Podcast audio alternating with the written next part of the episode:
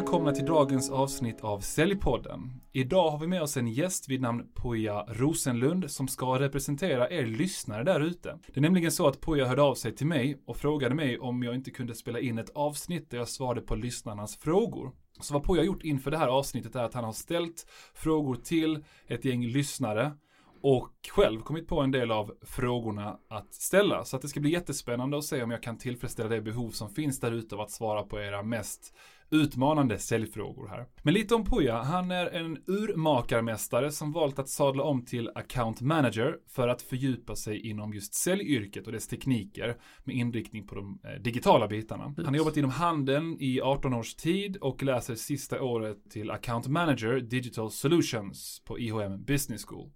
Han har spelat paintball på elitnivå och idag är det MTB cykling som gäller. Men han säger då att det meckas lite mer än det cyklas idag. Du, varmt välkommen Exakt. till podden. Tack så mycket, tack. Coolt med, med paintball på elitnivå. Vi kommer komma in på de bitarna också och se ifall det, du tror att det kommer hjälpa dig i säljet. ja, vi får se. Ja. Tveksamt. Ja. Du, hur känns det att vara här? Jo men det är jätteskoj. Eh, första gången jag är med i en podd så att eh, ja. lite nervöst. Jag men det blir nog bra. Det kommer bli jättebra. Ja.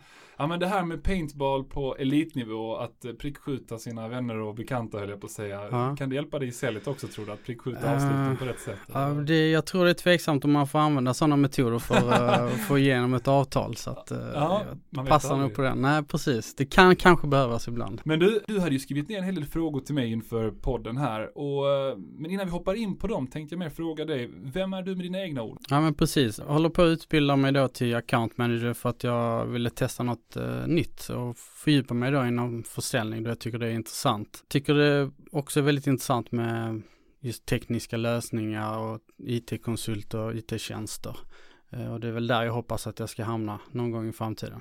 Just det. Och mm. urmakarmästare, försöker koppla det till sälj på något sätt. Det måste ha jättemycket tålamod när man jobbar som urmakarmästare eller urmakare. Precis, eh, urmakare då som har tagit gesäll och blivit mästare till slut.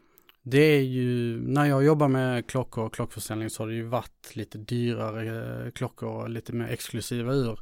Eh, och då blir det ju ofta lite längre säljprocesser direkt. Eh, det är, inte, det är inte alla som kommer in och köper en klocka för 100 000 på ett bräde. Utan man kanske, man har en lång beslutsprocess och det är väl lite därifrån mitt intresse också skapades för just de här komplexa försäljningarna. Coolt, alright. Mm. Men så du, du har inte suttit och liksom pillat eh, och, och, och tagit jo, isär klockor, det är sånt du gör också? Absolut. Så det är både kommunikationen med kunderna men även Sitta där bak och bitarna själv. exakt plocka klocka till beståndsdelar, göra rent, fixa dem och sen sätta ihop det. det igen. Ja, så att den, ja jag, jag tror att det tålamodet som du har byggt på dig där, att det kan du absolut ha hjälp av om du ska jobba med lite mer komplex försäljning framåt här. Mm. Ja. ja, men det hoppas jag. Ja, coolt. Men du, ska vi hoppa in eh, rakt eh, in i hetluften kring de här frågorna som du hade skrivit ner då och, och tagit fram med hjälp av andra lyssnare där ute. Mm. Grymt. Vad det... har du för första fråga till mig? Jo, vad skulle du säga är den, um, en säljares ultimata kvalitet?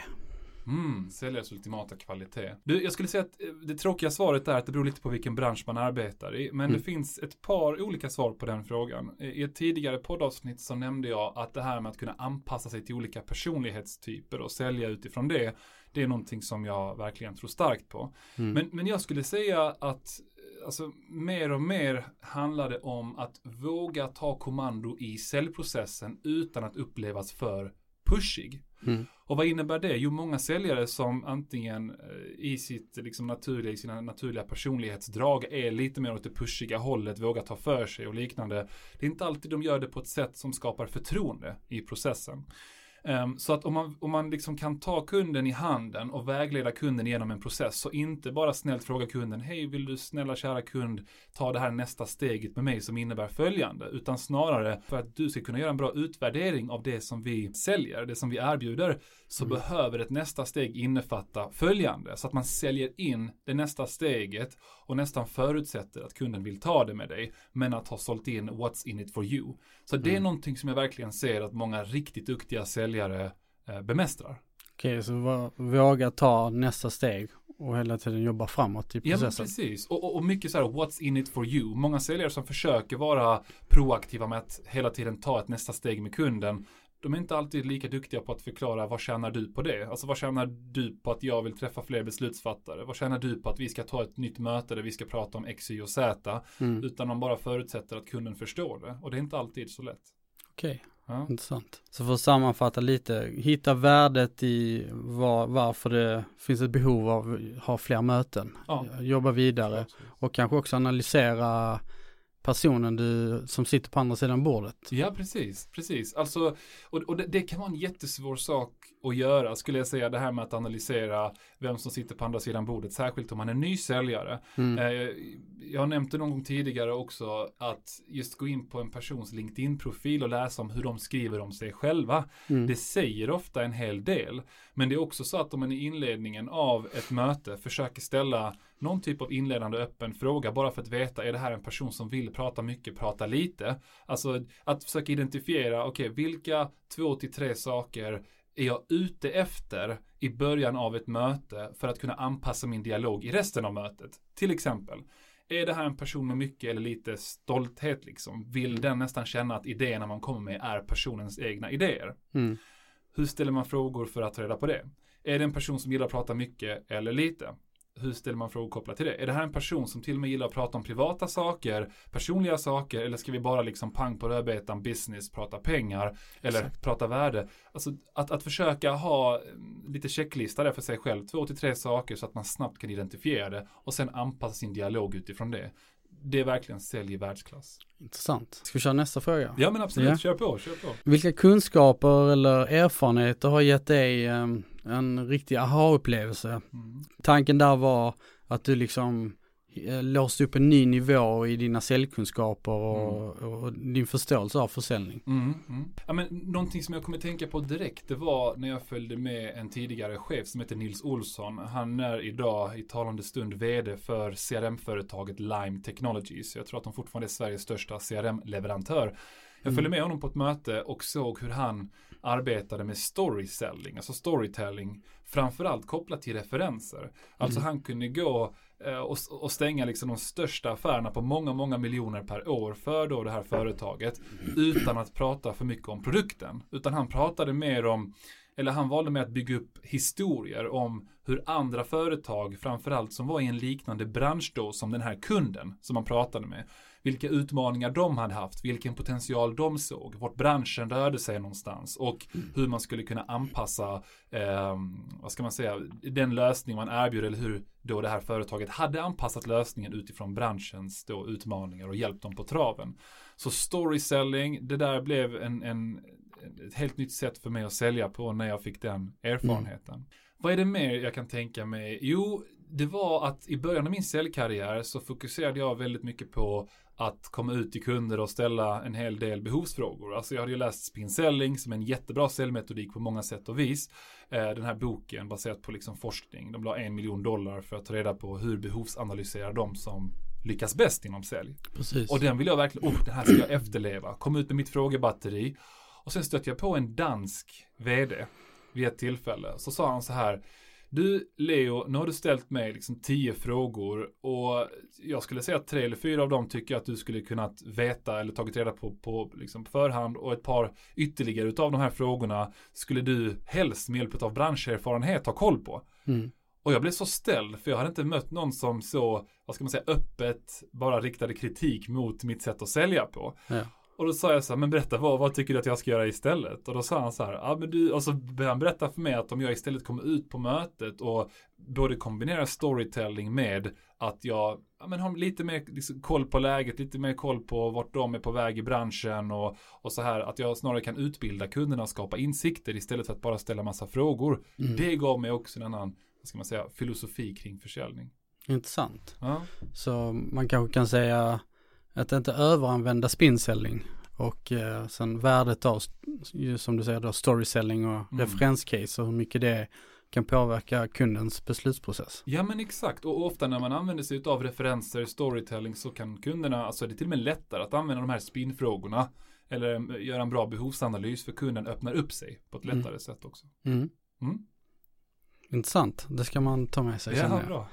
Hur mycket tid eh, ägnar du på att eh, läsa på om företaget och innan initial kontakt? Jag Mm. antar att det lite går in på det här med spinselling då. Ja, både ja och nej. Alltså jag skulle säga så att många säljare som jag coachar, de har eh, ut, alltså eller deras säljchefer tycker att de har utmaningar med att de prospekterar alldeles för mycket. Mm. Alltså att de lägger för mycket tid på sin prospektering och för lite tid på själva ringaktiviteten eller den här kontaktaktiviteten. Exakt. Eh, och jag brukar säga det att försök skapa en, en checklista för dig själv. Där du har identifierat, men vad är det viktigaste för mig att veta inför ett samtal? Och för att du ska kunna svara på den frågan så måste du också ha lite koll på eh, hur vill jag bygga upp ett samtal? Och så säger vissa säljare så här, ja ah, men det beror ju helt på vem man ringer till. Och då skulle jag säga, ja, kanske inte. För om du gör, i alla fall enligt min filosofi, på rätt sätt så bearbetar du om du jobbar business to business, liksom en bransch i taget till Mm. exempel då. Precis. Och då vet du ungefär hur du ska lägga upp pitchen till eh, den här beslutsfattaren du då ringer till. Och baserat på det skapa en checklista. Så typiskt sett inom, vi pratar om B2B då, eh, vem är det jag ska prata med? Ring inte någon och fråga, hej, jag söker den som är ansvarig för era skrivare eller marknadschef. Och så. här. Du ska veta vem du ska prata med, i alla fall är det en kvalificerad gissning innan du ringer. Så vem ska du prata med, vilken titel har de? Två, skriv ner två till tre meningar om företaget så att du vet ungefär vad de gör i alla fall innan du ska ringa dem. Mm. Tre, försök hitta direktnummer till den här personen. Det är mycket lättare än att ko- komma igenom via en växel. Och sen fyra, kika i ditt CRM-system om du har ett sådant, om det finns någon tidigare dialog, kontakt någon, du eller någon annan haft med eh, kunden, så att du är lite förberedd på de här bitarna också. När du har de här bitarna, då är det bara att ringa. Okej, så hitta, försöka hitta nyckelpersoner som är viktiga Mm. för att komma till, komma till rätt person helt enkelt. Ja, och skapa Mm. en checklista för dig själv. Mm. Det, det brukar vara det bästa. Sen så ska jag ska bara komplettera den biten. Det finns många säljare där ute som arbetar väldigt brett med sin försäljning. Jag arbetar till exempel med en kund, nu ska jag kanske inte nämna något namn där, men deras säljare har en produkt som lämpar sig till många olika typer av beslutsfattare och många olika typer av branscher. Mm. Så varje säljare då på det här företaget arbetar väldigt brett med massa olika branscher, massa olika och då, alltså nästan så att jag skriker på utbildningar och säger stopp, stopp, stopp, sluta med det här. F- fokusera på en, två eller max tre branscher i taget som du bearbetar, målgrupper. Mm. För alla beslutsfattare, de känner sig så fruktansvärt speciella. Att även om du säljer exakt samma sak till person 1, 2 och 3, så om du inte pratar med dem på deras språk, berättar om referenser i deras bransch, då kommer de inte, du kommer inte kunna skapa ett liknande förtroende Okej, som du kan. ja. Så att även om man jobbar brett, fokusera på en bransch i taget i din bearbetning. Så man kan hitta typ facktermer och sånt som är relevanta helt Ja, enkelt. exakt. Och du kommer också märka av att, att hela den här startsträckan för din prospektering blir mycket lättare också. Mm. Hur använder du stakeholders för att maximera dina sälj då, Mm. om man går vidare? Alltså det här med beslutsfattare och påverkare tänker du med Precis, precis. Ja, ja. Och jag skulle säga det att, att när jag ställer frågan till säljare där ute, så här, hur många är det som är med och fattar beslut eller påverkar beslutet i dina processer? Då brukar de säga, ja ah, men du det är eh, en eller två. Men det är inte alltid, eller oftast är man inte som säljare medveten om vad som pågår bakom kulisserna. Särskilt inte om man jobbat på ett liknande sätt i många års tid. Och vad jag menar med det här, det är att i många fler beslut, även mindre alltså beslut, alltså där det är liksom inte jättemycket pengar vi pratar om, så är det fler som påverkar beslutet än man tror. Mm. Så, så alltså en sak, eh, som, eller ett tips jag kan ge där, att istället för att bara strunta i frågan, vem som fattar beslut, eller ställa frågan, är det du som fattar beslutet? Så att istället för att göra det, ställ frågan i början av din säljprocess, om det nu skulle vara så att ni väljer att investera i ett samarbete med oss framåt, om vi skulle kunna skapa så pass mycket intresse. Mm. Eh, Men vem är det då som under resans gång här i er utvärdering är med och påverkar om ni väljer oss eller inte? Så vem mer än du är en mycket bättre fråga att ställa än Fattar du beslutet? Är det du som fattar beslutet? För där stänger du in kunden istället för att du öppnar upp för att de berättar om fler namn. Så det är ju steg ett i det hela, att förstå vem det är som, som är med och påverkar. Steg två är hur kan du då, speciellt inom liksom mer komplex försäljning eller större affärer, hur kan du då påverka alla de här beslutsfattarna och påverkarna Precis. utan att trampa den här förstnämnda på tårna? Eller hur? Och det handlar nästan alltid om att få tillåtelse och att göra det som vi pratade om tidigare, sälja in det, alltså what's in it for you, att jag tar kontakt med Pelle och Anna som också är med och påverkar beslutet, att sälja in det till kunden, men även att be om tillåtelse, för många affärer kan gå förlorade av att man inte ber om tillåtelse när man Mm. tar kontakt med andra personer. För det, det kan ju också vara om man tittar neråt i eh, beslutshierarkin, alltså om man på, som du säger pratar med kanske en, den som kommer bruka eller använda tjänsten. Du, det här var spännande att du sa det, för det är någonting som inte många tänker på. Alltså jag hade en, en på ett företag där jag jobbade så hade jag en taktik som innebar att jag i princip fick beslutsfattaren att känna att om inte du involverar slutanvändaren eller den som ska använda produkten, använda tjänsten i det fallet, i den här processen, alltså innan ni har fattat ett beslut, mm. så kommer du fatta ett felaktigt beslut. Eller så riskerar du att fatta ett beslut där du investerar mycket pengar och sen händer ingenting. Så sa de, men varför då? Jo, för att ni är beroende av, i det här fallet var det ett system, ni är beroende av att era medarbetare uppskattar det här verktyget, annars, kom, annars kommer de inte använda sig utav det. Och när de väl köpte in på det, tro mig då på att när jag var ute på ett möte och skulle sälja till säljarna, mm. och de blev så här, wow, åh, då var det ju jättesvårt för företaget att tacka nej. Eller hur? Så det är också en, liksom en taktisk Exakt. grej att involvera ja. slut. Och det kan också vara ett annat företag som arbetar inom förpackningsindustrin, alltså säljer produkter om du ska köpa någonting från en e-handel till exempel. Paketet du får hem, alltså de tillverkar själva förpackningen. Mm. Och jag menar när de, när de kan prata med personer som arbetar i produktionen till exempel och liknande och påverka dem till att ja, men den här typen av förpackning gör att ni kan jobba 20% snabbare och få möjligheten att involvera dem i en säljprocess wow, då har de en mycket högre hitrate än när de inte gör det. Intressant. Mm. Så uppåt och neråt, Precis. jättebra följdfråga där. Ja. Hur hanterar du eh, invändningar som kunder kan ha på ja, men ett säljmöte till exempel? Just det. Ja, det var en spännande fråga, för det är en ganska bred fråga. Det finns så många olika typer av invändningar. Mm. Men för att generalisera brukar jag prata om proaktiv och reaktiv invändningshantering. Den proaktiva invändningshanteringen handlar om att förekomma invändningen. Och vad det innebär det är att låt oss säga att du vet att när du bearbetar den här målgruppen så finns det två eller tre invändningar som typiskt sett dyker upp. Till exempel så kan det vara en konkurrent som är jättestark inom ett visst segment, ett visst område lokalt eller regionalt till exempel. Mm. Och då vet du att okay, ofta kommer de ha en invändning att vi är rätt nöjda med vår befintliga leverantör. De känner en trygghet kring den befintliga leverantören. Då behöver du proaktivt förekomma den och det innebär att du ska inte gå ut på möten och sitta och hålla tummarna för att de inte nämner det här. Snarare ska du säga så här, du de flesta som vi arbetar med i er bransch, de har, har tidigare haft en leverantör som till exempel leverantör X och Y. Mm. Och sen följer du upp det här med att inte prata dåligt om konkurrenten utan snarare prata mer om era uspar Precis. Det som gör er unika och får kunden att då förhoppningsvis köpa in på detta.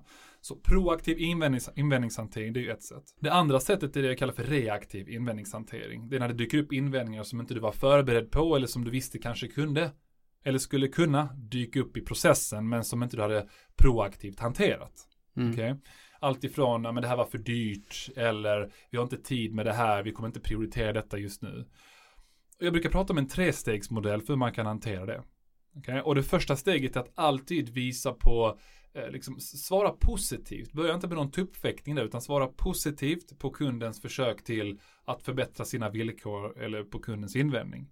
Vad kan det vara? Ja, men jag förstår, jag respekterar det, tack för att du är så transparent. Mm. Men om du följer upp det här med ett men, då har det inget värde. Alltså man brukar säga Henrik Fexeus, de som känner till honom vet han är jätteduktig på det här med hur man kommunicerar och både kroppsspråk och vad man säger.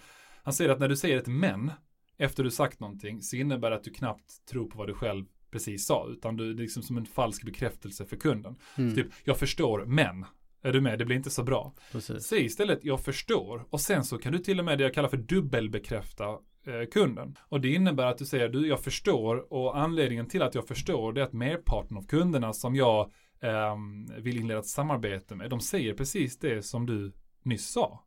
Exakt. Jaha, okej. Okay. Alltså då, då, lite så här desarmerar man kunden, man avväpnar dem mm. så att de är eh, mer öppna på att lyssna på vad du sen har att säga. Och sen så använder du referenser helst för att övertyga om varför de idag tänker annorlunda, varför den här invändningen inte är ett problem för dem. Intressant. Okay? Mm. Och sen det sista steget är antingen be om en delaccept, att kunden bekräftar att de köper in på det här, alternativt om det är ett nykundsamtal, mm. försöka gå på avslut igen. Så någon typ av delaccept eller ett nästa steg. Eh, det är tredje steg. Okej, okay, okej. Okay. Jag tänker om jag knyter an den här frågan till eh, det du pratar om med en säljares ultimata kvalitet. Och agerar du olika beroende på vad kunden är för personlighet? Ja, alltså absolut. Och framförallt i steg nummer två. Alltså det här med att använda referenser och liknande. För låt Mm. oss säga att jag träffar någon som jag märker av är någon som är väldigt trygg person, i- alltså en trygg i sig själv, någon som väljer leverantör på grund av trygghet, det emotionella, det känns bra, man värderar de mjuka värdena och kanske Mm. inte lika hård och bara vill ha ett resultat och liknande. Och vi kan ta de två typerna av beslutsfattare Precis. när jag ska övertyga genom punkt två, alltså steg ett var ju att vara positiv och så här, och sen steg två, övertyga genom referenser, Mm. då väljer jag ju en referens och hur jag berättar om den referensen baserat på vilka argument som jag tror att den här personen kommer att gå igång på. Mm. Så träffar jag någon som är väldigt, vad ska man säga, hård och businessinriktad, då berättar jag, du, jag förstår, de flesta kunder vi pratar med har en liknande känsla som du har när det kommer till att byta leverantör. Vad den här kunden i din bransch fick för mervärde och vad de tjänade på att byta och så börjar jag prata om resultatet. Mm. Medan hade det varit någon annan så hade mer pratat om liksom tryggheten, att slippa vissa orostankar och liknande. Okej, Ja, Mm. så bra följdfråga. Sant. Nästa fråga då. Hur arbetar du med att anpassa dina säljstrategier för kundens personlighet? Det är lite det vi har varit inne på Ja. tidigare. Ja. Ja men precis det här, men jag kan nämna ännu fler tips när det kommer till att anpassa ditt eh, sälj utifrån kundens eh, personlighetsdrag. Mm. Ehm, och någonting kan ju också vara när det kommer till deras eh, alltså, kroppsspråk. Det kan vara inte så mycket personlighetsdrag, men någonting som säljare överskattar det är sin förmåga att anpassa sig till kundens kroppsspråk och tonläge och så här. Och jag märker av det så tydligt, för att jag, jag är rätt tydlig själv när jag inte är intresserad av någonting, när någon liksom pratar på för länge. Mm. Att jag blir lite mer så här, men lite disträ och så här. Och det är många säljare som inte snappar upp på det, alltså som försöker sälja till mig till exempel. Att man zonar ut lite. kanske. Ja, så att försök att alltså, träna på det här. Spela in dina möten om möjligt. Spela in om du ens vill gå så långt, ett rollspel mellan dig och en kollega som agerar kund. Okej. Hur Ja. reagerar de? Vad säger deras kroppsspråk? Eh, liksom, kollar de in i kameran om du har ett digitalt möte? Kollar de bort? Eh, visar de sig nyfikna? Alltså, försök identifiera de här små signalerna på intresse eller ointresse och sen anpassa det utifrån det. Mm. Eh, Och du kan till och med nämna, som jag brukar göra, folk brukar skratta i digitala möten när jag säger så här. Du, det ser ut på, nu ser det ut som du funderar på någonting. Ja, Ja. du, eh, cool- coolt att du snappar upp det, faktiskt, Ja, det gör jag ja. liksom. Och, och då skapar du en helt annan relation med kunden för de känner sig sedda och hörda, vilket funkar på alla möjliga typer av personligheter egentligen. Jätteintressant. Mm. Jag tänker om man förstorar upp den här frågan lite mer då, tror du företagets eh, profil påverkar, alltså som säljaren eller kundens, kundens företag, Mm. om man säger så. Ja, ja absolut. Så att du tänker så här, hur man anpassar sin kommunikation utifrån vem kunden är. Ja, kundens företag och lite kanske vad de har för profil och vad Mm. de har för status. Ja, ja. Jo, men framförallt när man kommer högre upp i beslutshierarkin för att Mm. då har man kanske en större skyldighet att efterleva de värderingar som företaget skriver om på sin hemsida med hållbarhetstänk eller med miljötänk eller med att man ska vara snabbväxande och fokusera på det och alltså vad det än kan vara. Men ju lägre ner du kommer i en beslutshierarki, alltså Mm. ner till typ användarna om vi pratar om det, alltså det är inte alltid som företag är duktiga på att anställa folk som går helt hand i hand med deras filosofi och hur de vill arbeta. Så att eh, förutfattade meningar kring detta, absolut, och ta lite genvägar när det kommer till högre upp, men att inte alltid dra de slutsatserna när du pratar med folk lite längre ner i beslutskedjan. Ja. Men det är klart att, jag menar, om man ska sälja till hantverkare jämfört med att man ska sälja till eh, eh, börsnoterade företag inom it-branschen, alltså det är ju man måste ju såklart anpassa sitt, både sin klädstil, sitt kroppsspråk och eh, hur man kommunicerar med dem. Så att de känner att man pratar på, på deras sätt. Mm, precis. När känner du då att det är rätt att gå på avslut Mm. i de här mötena? Spännande. Eh, när känns det rätt att gå på avslut? Eh, jag skulle säga det återigen, det beror på hur lång säljprocess man har. Men Mm. för att förenkla lite grann så brukar jag prata om avslutskriterierna. Och avslutskriterier innebär att du som säljare behöver identifiera vilka två, tre, fyra, fem, kanske till och med sex saker behöver du ha bockat av i din säljprocess, i din dialog med kunden innan du går på avslut för att maximera chansen att du gör affär med kunden. Okej, alltså delaccepter då? Ja men exakt, Ja. olika typer av delaccepter, olika typer av, eh, ja men till exempel som eh, om du vet att okej, typiskt sett när en, när en affär har ett värde på över eh, 50 000 kronor Mm. så behöver du inte bara prata med marknadschefen utan även med vdn ifall det är de du bearbetar. Men då är en av de här sakerna på din checklista att jag ska åtminstone ha försökt bearbeta alla beslutsfattare. En annan sak kan vara att jag ska ha inte bara kommunicerat utan förankrat en av våra USPar. Vad innebär att förankra en USP? Jo, USP innebär unique selling point, vad som gör oss så här värdebaserat unika Mm. på marknaden. Vad gör oss unika och vad har vi för unikt värdeerbjudande till kunderna där ute? Att förankra en sån innebär att du får kunden att inte bara säga aha okej intressant utan även att säga i ett drömscenario den USPen ni står för Puja, Mm. det du precis berättade, det är en förutsättning för oss vid val av leverantör. Precis. Nu kan man inte alltid få kunderna att gå så långt, men åtminstone att de berättar för dig varför de uppskattar den USPen. Det kan vara en annan liksom, avslutskriterie. Så för att sammanfatta det, identifiera vad behöver du ha bockat av i processen innan du går på avslut. Och sen kan du ställa den här naturliga frågan, finns det någonting som hindrar oss från att göra affär? När du känner att du är i ett sånt läge och du sitter med rätt typ av beslutsfattare. Och så säger man så här, varför är det en bra fråga att ställa? Finns det någonting som hindrar oss från att göra affär? Är inte det ganska negativt för kunden att komma på massa saker som ska hindra er från att göra affär? Det som är spännande där, det är att det är just det som inte händer. Kunden har svårt att komma på saker som hindrar er från att göra affär, vilket gör att ett avslut som, ja men låt oss då sätta igång och skaka hand på det här, att det kommer väldigt naturligt. Det lät eh, jätteintressant faktiskt. Så du, går, du ber om invändningar men i och med att det inte kommer någon så har du en öppning för Ja men absolut. avslutet. Precis, precis. Och det, och det är en liten annorlunda säljtaktik, nästan som omvänd psykologi där. Men, men det Mm. funkar väldigt, väldigt bra. Det är till och med så att om kunden är beslutsredo, alltså att du har bockat av avslutskriterierna, Mm. skrattar till lite grann och det är svårt för dem att invända om pris eller något annat. Eller? Och har de en riktig invändning där så kommer de ta upp den och då har du möjligheten att bemöta den. Okej. Mm.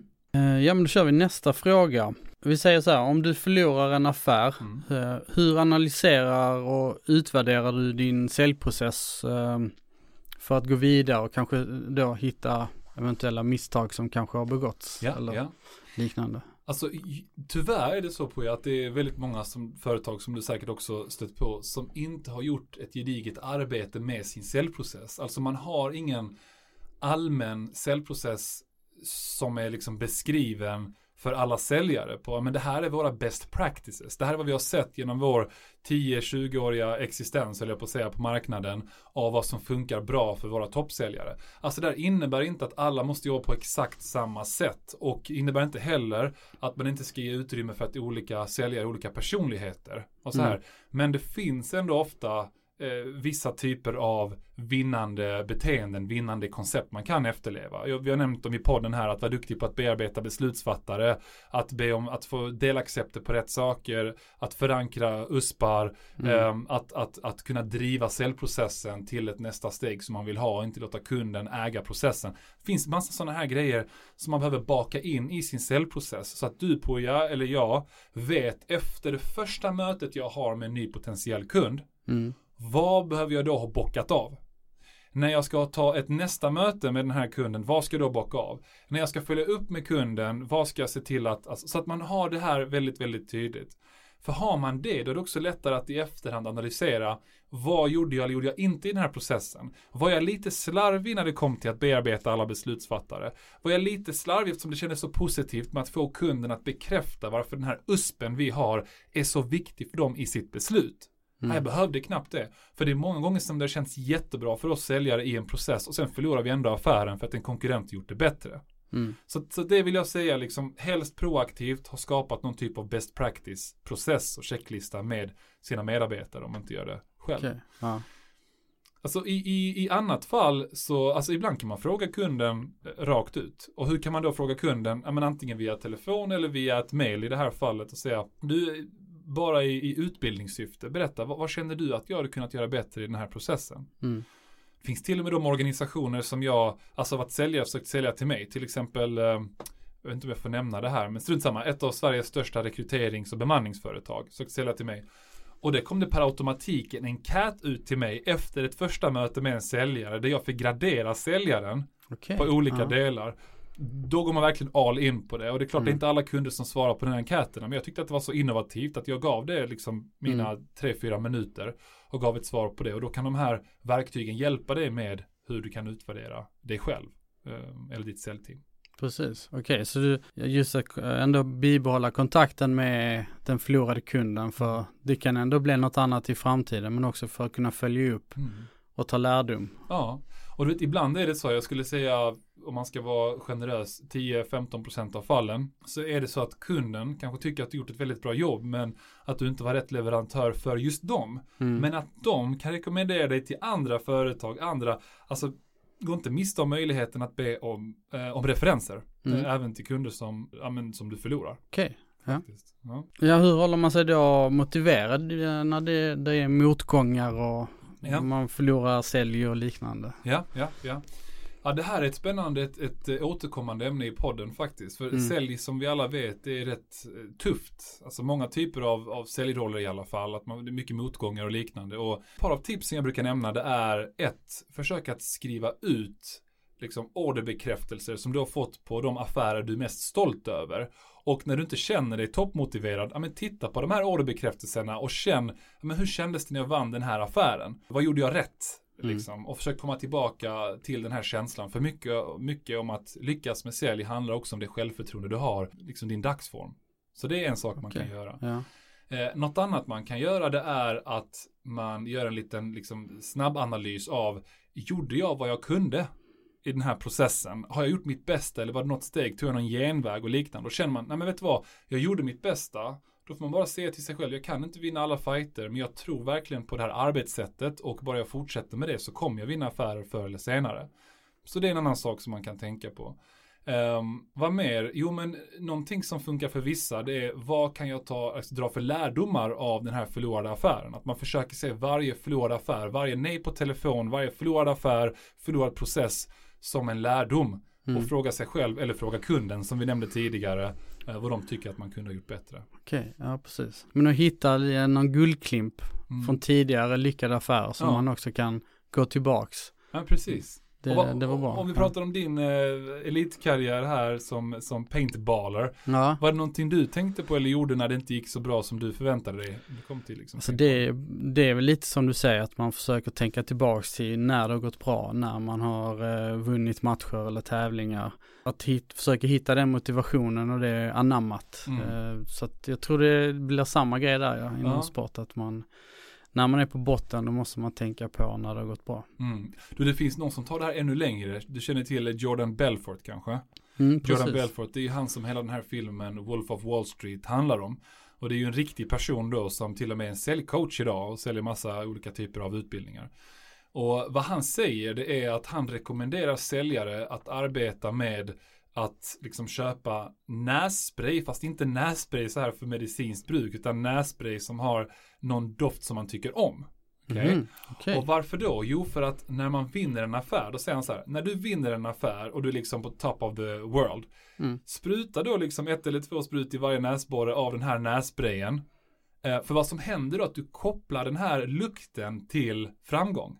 Ah, Okej? okej. Du kopplar lukten till din känsla av självförtroende. Jag har inte testat på det här själv, men jag hade säkert velat. Hade någon gett mig två liksom, nässprayer med eh, apelsindoft, vad vet jag. Det hade jag säkert kunnat Ja. testa på där. För jag tror verkligen på det här med Neurolinguistic Programming, NLP som det heter. Ja. Det är ett helt annat ämne vi kan prata Jobba om. med lite annat. olika typer av minnen. Ja men precis, exakt. För vi vet alla, det finns säkert någon låt som lyssnarna känner så här, åh när den, den liksom kommer på radion, wow, då fylls jag av positiva känslor. Eller så kan det vara någon doft, det kan vara någonting ni ser. Alltså vi ska inte underskatta det här med eh, mänskliga, det mänskliga minnet och kring alla våra olika sinnen. Mm. Ehm, så det är också någonting som Alltså man kan koppla det mot saker. Ja. koppla det mot saker Ja. och, och på så sätt eh, Jag kanske testar en låt. Nässpray kändes lite lite too much risk för beroende. Jag fattar, jag fattar, jag fattar. Ja. ja, det är bra. Vad är det största misstaget en säljare kan göra då? Oh, det finns så många härliga misstag man kan göra som säljare. Men om man ska generalisera så tycker jag att ett stort misstag man kan göra som säljare det är eh, det vi nämnde tidigare, att gå på avslut för tidigt i processen. För att har man Mm. gjort det så har man ibland förbrukat sin chans att gå på avslut med kunden. Och nu vet jag att det finns Ja. de som säger du behöver gå på avslut eh, eh, sju gånger i snitt eller vad det är innan du kan få till en affär med kunden. Alltså jag tycker inte att du ska behöva fråga en kund om affären sju gånger för att du ska göra affärer med dem. Mm. Kanske om man ser det här liksom dröm, drömkunden och det är ett livstidsperspektiv. Sju gånger säger de nej på typ tio år. Ja, okej, men sju gånger på kort tid. Jag tror nästan inte det. Men att gå på avslut för tidigt är ett, ett misstag jag Mm. ser. Eh, ett annat misstag jag ser det är att man Alltså man, man är inte tillräckligt bra på det vi pratade om tidigare i podden också. Det här med att anpassa sig till vem man pratar med. Alltså, och, och, och, vet du, ibland kan det vara, du vet jag nämnde det här med att två till tre frågor i början av ett möte för att förstå sig på vem det är man pratar med. Alltså ibland kan du till och med ställa den här frågan rakt upp och ner så här. Poja, i den här dialogen, jag vill verkligen se till att jag pratar om saker som är relevanta för dig. Mm. Alltså, på vilka grunder fattar du dina beslut typiskt sett? Är det mm. så att du är väldigt okay. intresserad av siffror det här eller vad, vad, är, vad är intressant för dig? Mm. Och, och, och, det är lite annorlunda. Jag har aldrig varit med om en säljare som egentligen har ställt frågan på det sättet mer än eh, Alltså det var någon säljare i mjukvarubranschen jag analyserade som gjorde det på ett jättebra sätt. För att han visste att okej, okay, jag kommer inte kunna få svar på det genom att bara gissa mig fram till det. Vi har mm. olika sätt att sälja på och olika sätt att presentera materialet på. Jag vill veta vad som är relevant för den här kunden. Ställ frågan rakt upp och ner. Vad är viktigt för dig? Hur mm. vill du att jag presenterar mitt material? Vill du att jag är kortfattad, bara kommer till summeringarna? Eller är du intresserad av detaljerna? För börjar du prata för mycket om detaljer eller detaljorienterat med en beslutsfattare mm. som inte är intresserad av det, då kommer du lätt tappa personens intresse. Okej, okay, absolut. Så man låter kunden lite också kanske förklara hur de vill att mm. mötet mm. ska liksom gå och på vilken nivå. Ja men absolut, utan mm. att för den delen tappa kontrollen över vad du måste gå igenom för att ha ett bra möte. Ja. Så att det snarare handlar om vad vill du att kunden, eller hur vill kunden att du ska kommunicera med dem? Mm. Eh, och kanske inte så mycket eh, att kunden ska styra mötet i punkt och pricka. Okej, okay. mm. intressant. Ja. Sist då, sista frågan. Eh, vad har du för tips när det gäller filmer, eh, böcker, poddar, högt mm. och lågt, alltså inom sälj. Jag vet att säljpodden är ju självklar. men... ja men exakt, exakt. Nej men du, jag tycker mina kollegor på Stjärnsäljarpodden gör det jättebra eh, också faktiskt. Mm. Nu har de kanske en lite mer, eh, vad ska man säga, ett, lite mer humoristisk take på det hela. Jag ska inte säga mer avslappnat, vi försöker vara avslappnade i den här studion också. Men här försöker vi verkligen vara konkreta med tips och tricks och så här. Men jag tycker att de har många bra eh, avsnitt på Stjärnsäljarpodden. Men sen förutom dem så skulle jag säga att alltså just säljfilmer, det är ju väldigt så här amerikaniserat, mm. de filmer som Glenn finns. Gary Ross. Ja men exakt, ja. exakt. Och, och det är inte riktigt så jag skulle säga att det funkar på de flesta företag. Uh, ABC, always be closing, alltså ja. de kan vara inspirerande och kul att titta på. Mm. Men jag vet inte hur, hur uh, verklighetsförankrade de är till hur svenskar ska uh, sälja, eller hur man säljer på den svenska marknaden. Däremot säljböcker har jag en mm. hel del jag kan rekommendera. En är som jag tjatar om i podden. För er som hör det här för femte gången eller sjätte gången och inte har köpt boken, gör det nu. Challenger Sale.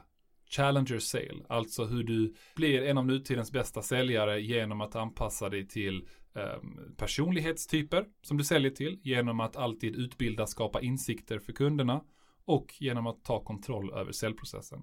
En annan är The Ultimate Sales Machine av Chet Holmes. Tycker också att den är jättebra, väldigt, väldigt konkret. Jag tycker att Spin Selling är en, en klassiker för att man förstår sig på hur beslutsfattare fattar beslut. Mm. Alltså att man är mm. väldigt riskavärt ofta och att de måste identifiera den största utmaningen som får kunden att vilja agera på det. Så de tre snabba som jag kan eh, nämna här i podden. Okej, ja men då har man lite läsning framför sig. Ja men exakt, exakt. Ja. Gud vad härligt. Du, stort tack för att du kunde komma idag Poja. Det var kul tack att sitta här och nästan liksom grillas ja. på här utmanande säljfrågor. Det är alltid superkul. Jag hör av mig när jag har fler. Ja men det är bra, helt underbart. Eh, jag vill tacka alla lyssnare för att ni har varit med i dagens poddavsnitt. Och Ehm, ja, även vår huvudsponsor Säljarnas Riksförbund som erbjuder allt ifrån inkomstförsäkring, juridisk rådgivning till säljutbildningar, digitala säljutbildningar till ett värde av över 40 000 kronor. Ja, men med det sagt, tack så mycket igen Puja Rosenlund. Hör av er till Puja ifall ni har några frågor till honom. Hör av er till mig på LinkedIn. Leonardo Johansson om ni har några frågor till mig. Ha det så gott alla lyssnare. Hej då, hej då.